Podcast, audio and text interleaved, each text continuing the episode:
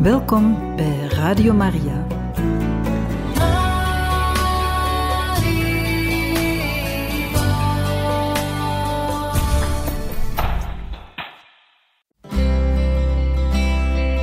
Welkom bij Boekat, een programma van Radio Maria.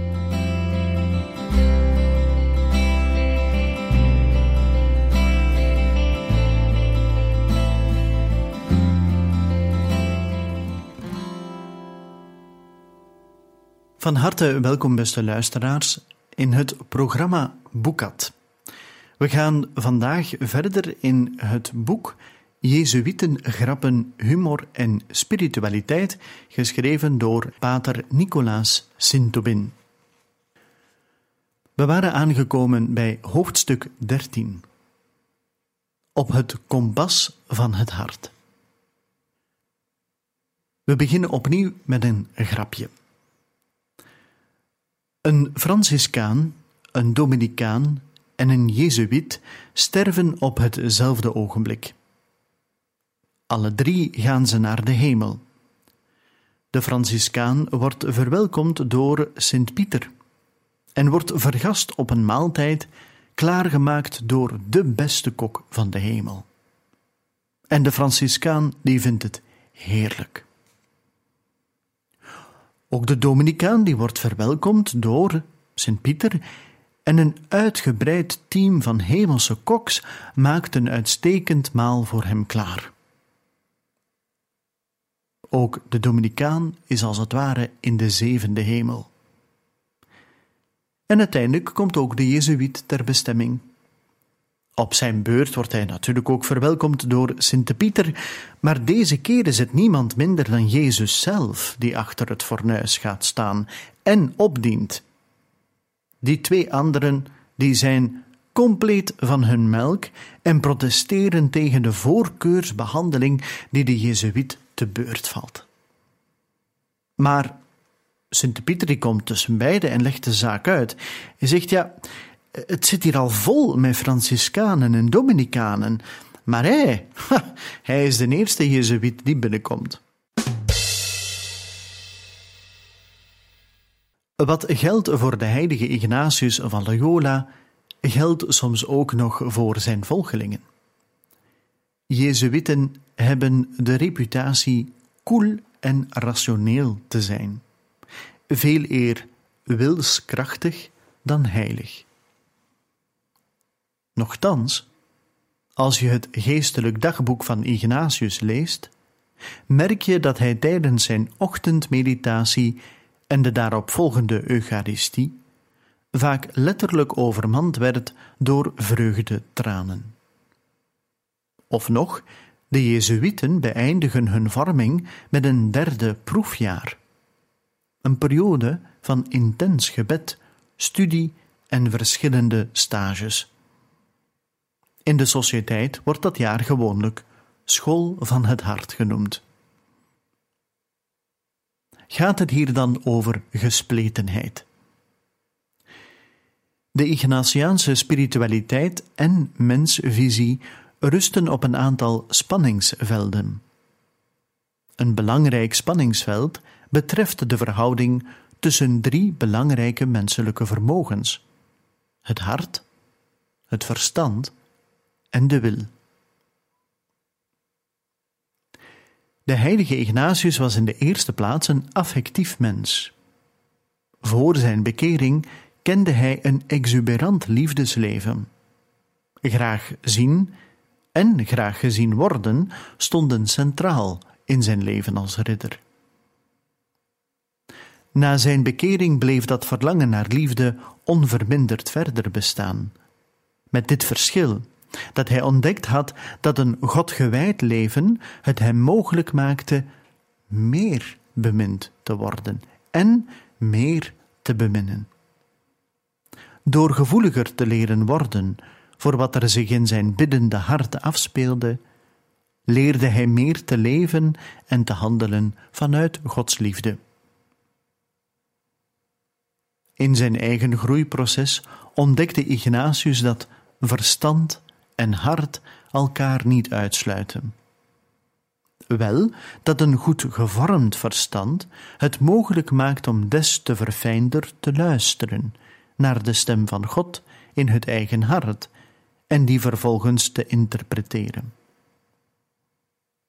In de zestiende eeuw, zo moest Ignatius ervaren, gold al wat nu nog steeds geldt. Studie en kennis geven toegang tot netwerken en domeinen die zonder diploma of getuigschrift dreigen gesloten te blijven. En ook daar dient het evangelie verkondigd te worden.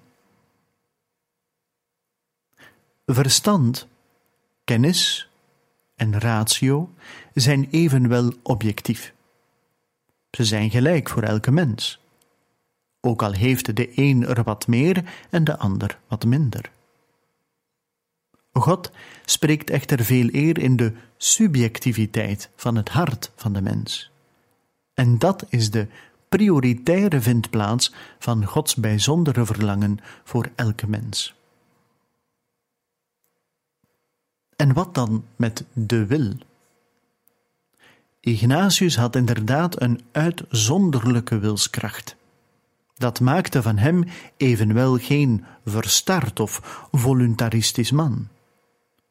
Tot zijn laatste dag bleef hij luisteren naar Gods stem in het diepste van zijn hart en in dat van zijn medebroeders. De bewegingen die hij daar op het spoor kwam, probeerde hij te duiden met zijn verstand. Zijn wilskracht hielp hem vervolgens om wat zijn hart en verstand hem geleerd hadden, door keuzes daadwerkelijk in te schrijven in zijn concrete leven en er nadien ook trouw aan te blijven. Op die wijze maakt de wil het net mogelijk om nog meer te leven vanuit het hart.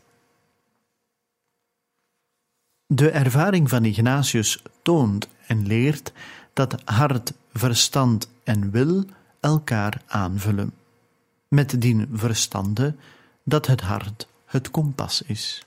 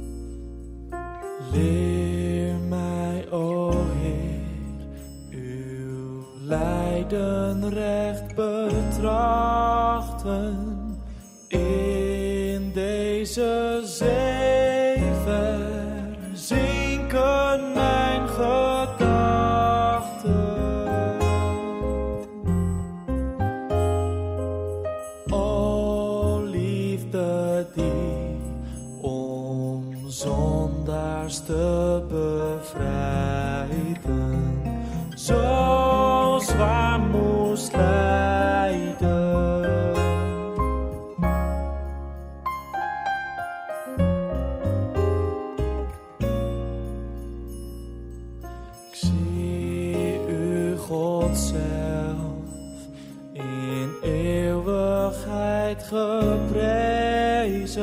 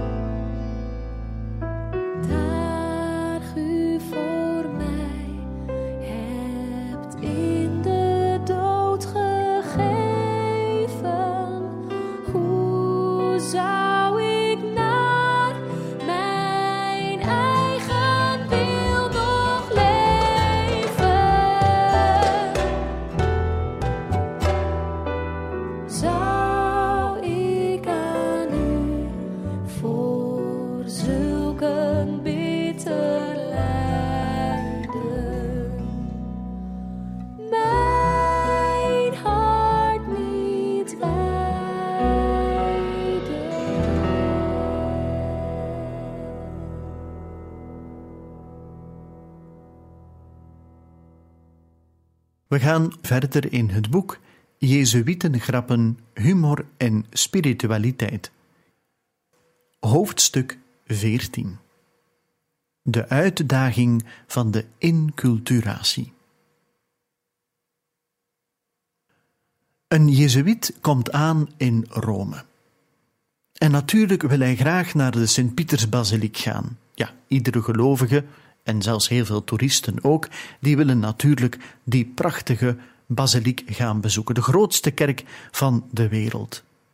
En hij loopt eventjes door Rome, kent eigenlijk niet goed zijn weg en komt daar een Dominicaan tegen.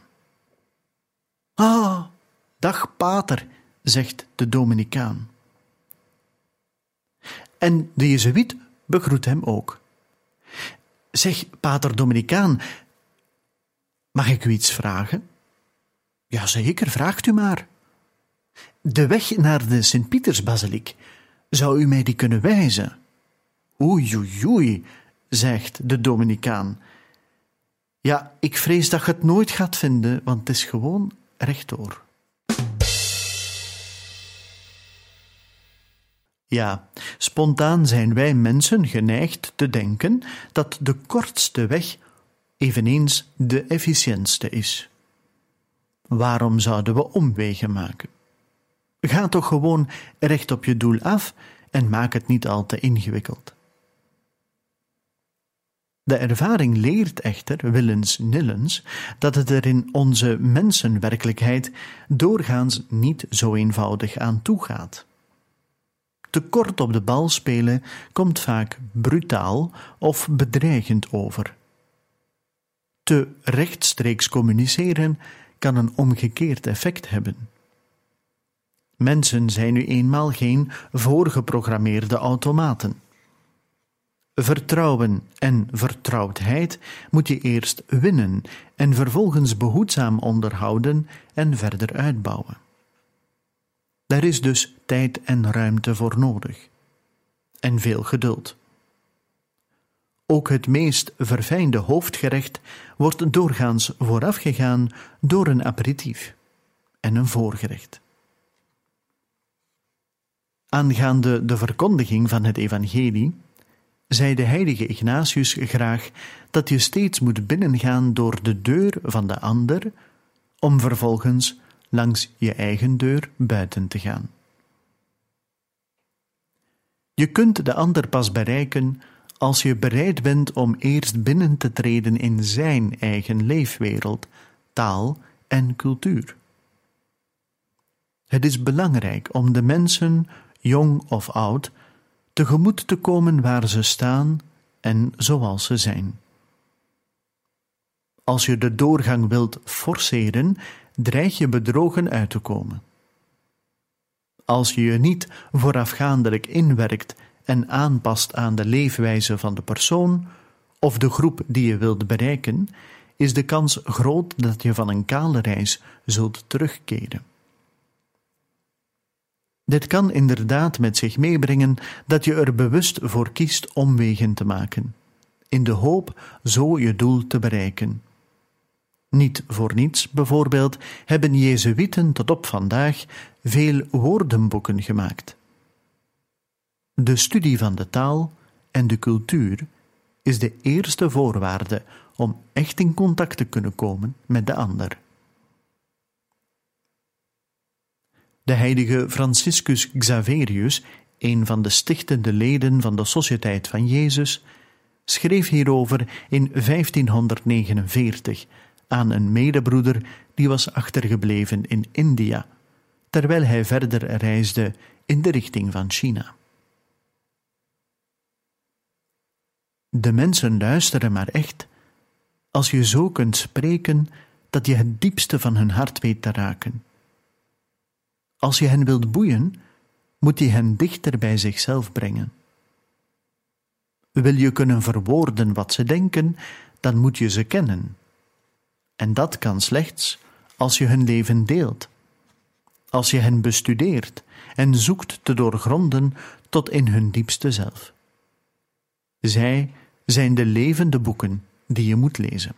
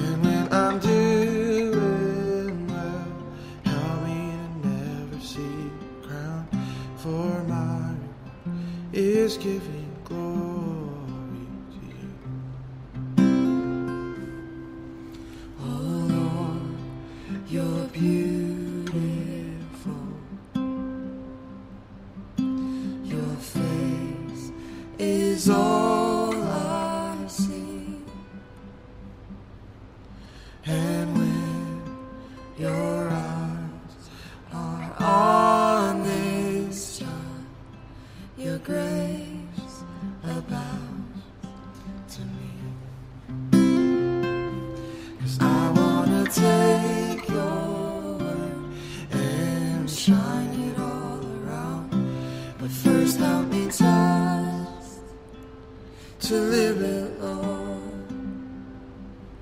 And when I'm doing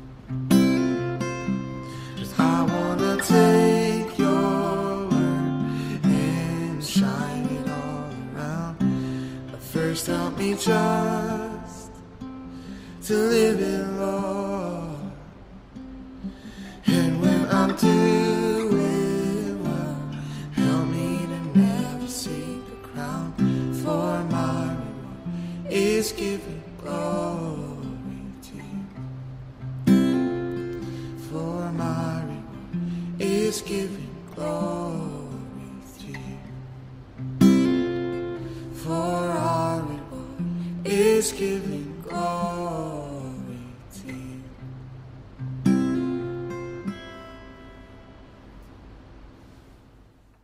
We zijn ondertussen aangekomen bij hoofdstuk 15. Vrienden in de Heer. Een Franciscaan kijkt in de spiegel en zegt bij zichzelf: Mijn haar is toch een beetje te lang geworden. En hij gaat naar de kapper om zijn haar te laten knippen. Na afloop vraagt hij aan de kapper hoeveel hij dient te betalen. Maar de kapper zegt: Ja, religieuzen betalen nooit. De Franciscaan bedankt de kapper en gaat naar huis. En de volgende ochtend vindt de kapper een mand met een vers brood, gebakken in het klooster van de Franciscanen voor de deur. Een Augustijn laat zijn haar knippen bij diezelfde kapper. En opnieuw zegt die kapper dat religieuzen geen geld dienen te betalen.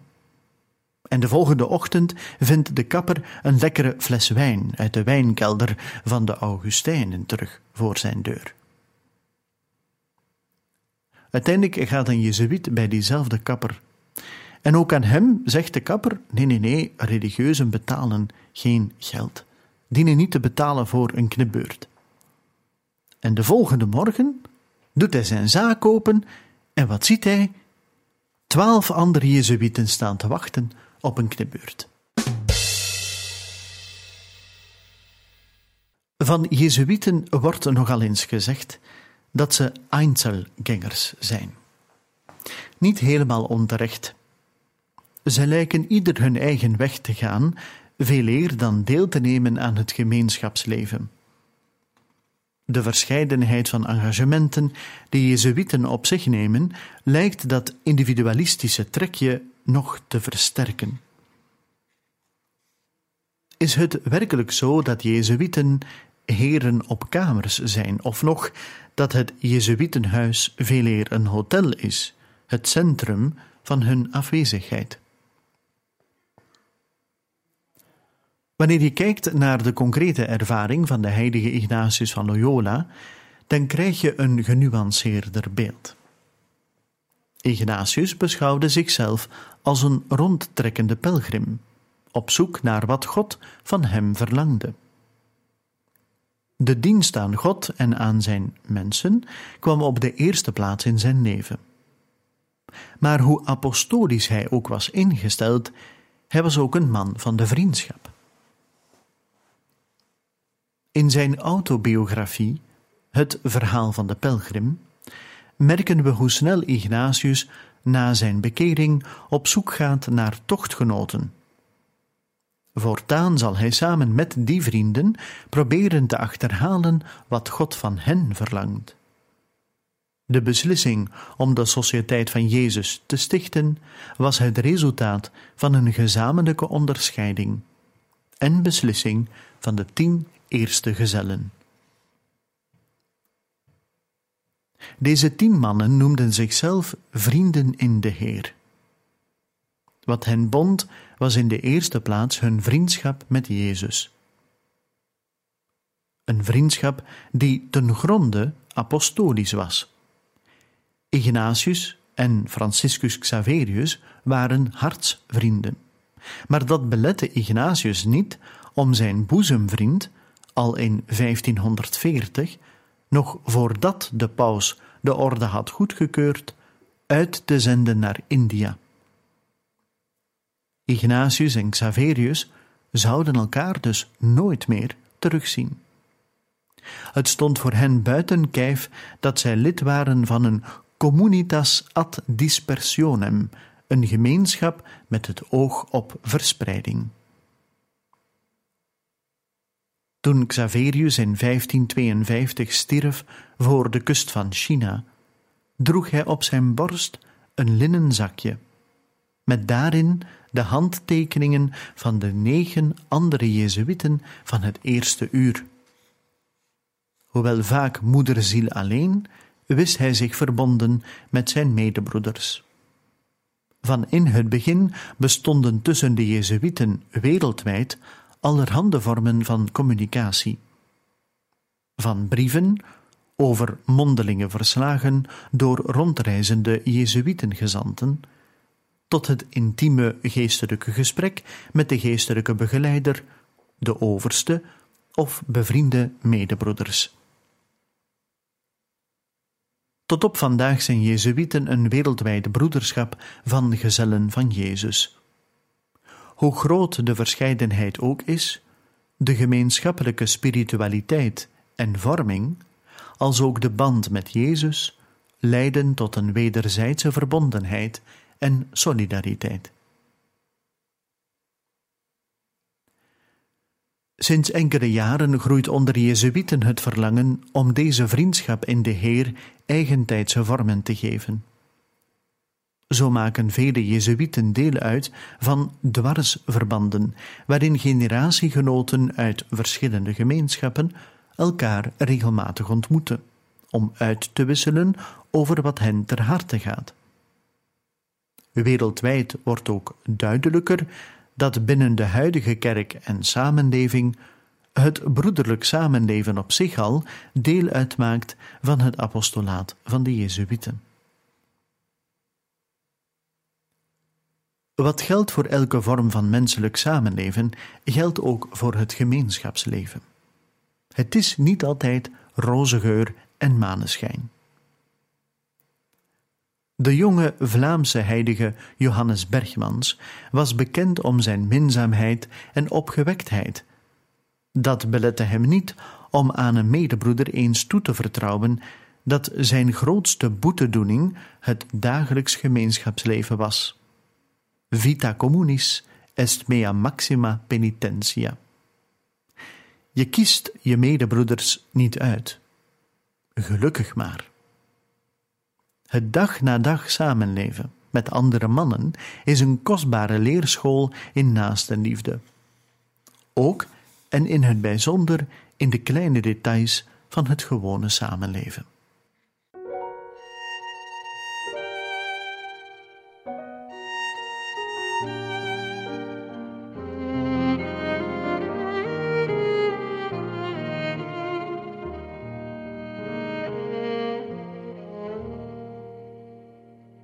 De Heer heeft mij gezien en onverwacht ben ik opnieuw geboren en getogen. Hij heeft mijn licht ontstoken in de nacht, gaf mij een levend hart en nieuwe ogen. Zo komt hij steeds met stille overmacht. En zo neemt hij voor lief mijn onvermogen.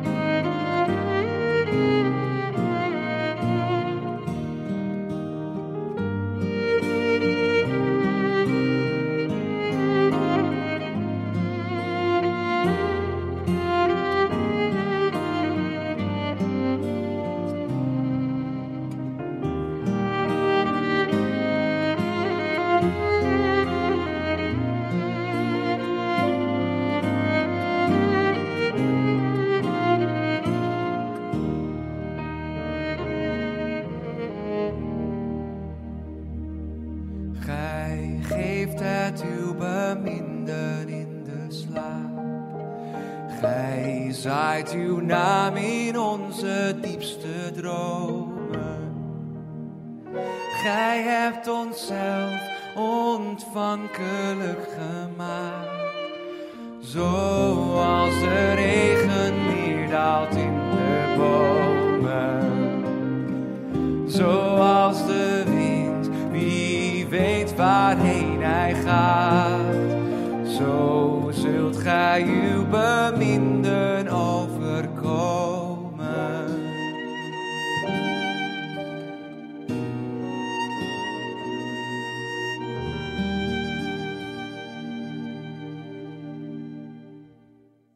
En hiermee beëindigen wij de voorlezing uit het boek Jezuïten, Grappen, Humor en Spiritualiteit, geschreven door pater Nicolaas Sintobin.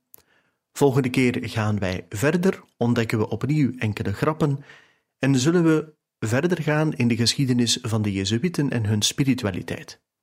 Graag tot een volgende keer.